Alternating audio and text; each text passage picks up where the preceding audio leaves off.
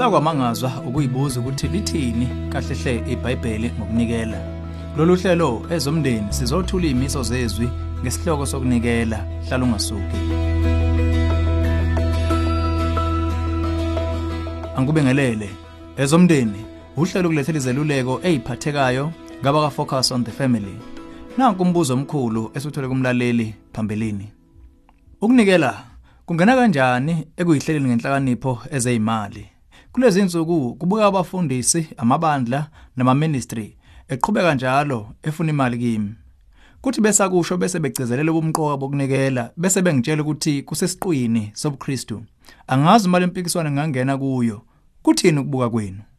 ngokomKristu ukunikela angingakho ukubuka ngeso lemali okokuqala kugxile ebuNkulunkulwini bese sibili nobudlane bethu naye uNkulunkulu.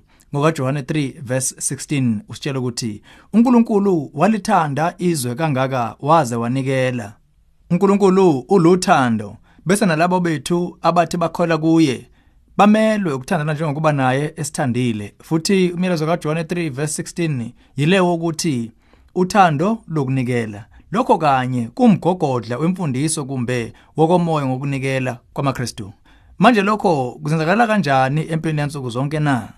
Ngokuphathekayo nje sinikela ngoba sinesikwaziyo kuKristu. Sithola amaqiniso amathathu angenakubalekeleka elokuqala singaba kaNkuluNkulu. Isibili samukele okuningi. Isithathu imali iwudaba olusemqoka.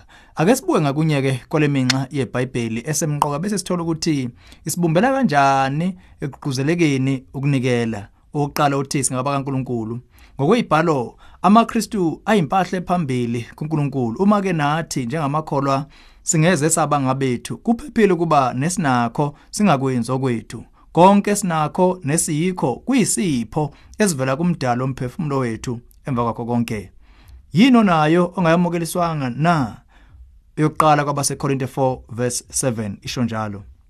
uNkulunkulu ungumnini wakho konke okukhona ekugcineni konke kungokwakhe. Umhubi ubhala athi umhlaba ungoka Jehova nokugcwala kwawo izwe nabakhileyo kulo. Amahobo 24 verse 1 uma uNkulunkulu engumnini wakho konke kuyacaca ke ukuba nguye okumele abe nezwi lokuqala nelokugcina ukuba kusebenze kanjani. Okwethu ukuba ngabaphathiswa abathembekile ngokwengcebe echichimayo ayithele kithi ngokupha kokuthanda kwakhe.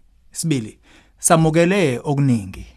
Umusa kaNkuluNkulu kithi uyachichima ngokukapakayo uma besingama sibali ibusiso zethu besizobona ukuthi umangaza kanjani uNkulunkulu kithi ngokwezibele zakhe ngokuba konke kungokwenu. Nina ke ningaba kaKristu uKristu ungokaNkulunkulu eyokuqala kwabaseKorinte 3:21 kuya 23 ngokwezwi ingcebo yethu akumele isebenzele nje ukujabulisa thina kodwa ukuze izwe lizuze namukelisiwe ngesihle yiphani ngesihle? Matthew 10 verse 8 Yebo lokho akuchaza ukuba kumele kupha sikwenze ngomoya onyukubele nokucindezelwa.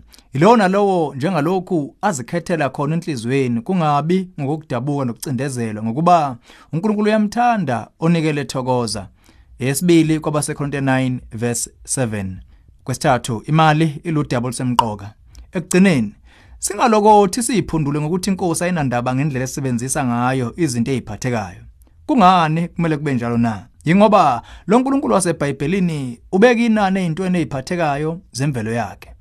Yingakho uJakob esitshela ukuthi akonele ukupha ngokamoya kuphela. Uma siletha uJesu kubantu kumele eze ngokomoya nangokomzimba.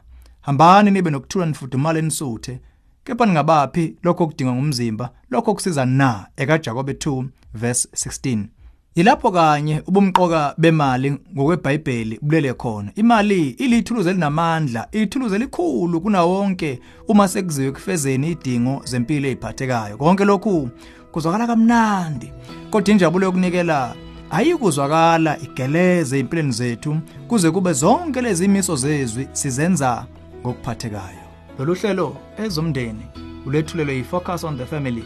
Sihlangabezwa hlelweni oluzayo.